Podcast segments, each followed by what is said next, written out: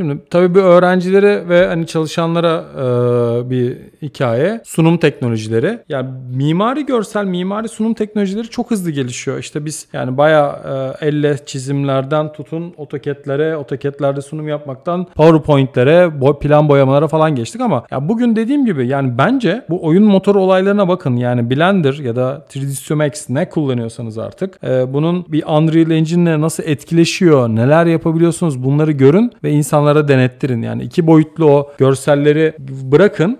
Hatta render almayı bırakın. Gidin Unreal Engine'den gerçeğe yakın bir taslak oluşturun. E bir de VR gözlüğünüz falan varsa of. Düşünsenize müşteriye VR gözlükle gezdirdiğinizi. Ya gerçekten bunlar atla deve ilişkiler değil yani. Çok kolay, basit yapılabilir hikayeler. O yüzden hani bunları şiddetle tavsiye ediyorum. Ee, biraz Yenilikçi olun. Ömür boyu öğrenmeye bakın. Ömür boyu öğrenmek çok önemli. Ben artık AutoCAD biliyorum. Bundan sonra hiçbir şey kullanmam diyen arkadaşlara buradan hiçbir sözüm yok. Sadece gülüp geçiyoruz. Ama yani önünüze ne geliyorsa öğrenmeye başlayın. İnanın o öğrenme metodolojisini bir kere öğrendikten sonra öğrenmeyi bırakmak istemeyeceksiniz. Tek söyleyeceğim şey kendinizi geliştirin, geliştirin, geliştirin. Çok teşekkür ederim Rağancığım bana bu fırsatı da verdiğin için. Umarım yeni podcastinde böyle bir Metaverse yayında güzel bir içerik olmuş olur senin için. Umarım dinleyiciler için de bu içerik faydalı olmuş olur. İstediğiniz zaman bana ulaşabilirsiniz. atlas.space mailimde burcin@atlas.space. Ee, sorularınız, sorunlarınız olsa da bekliyorum.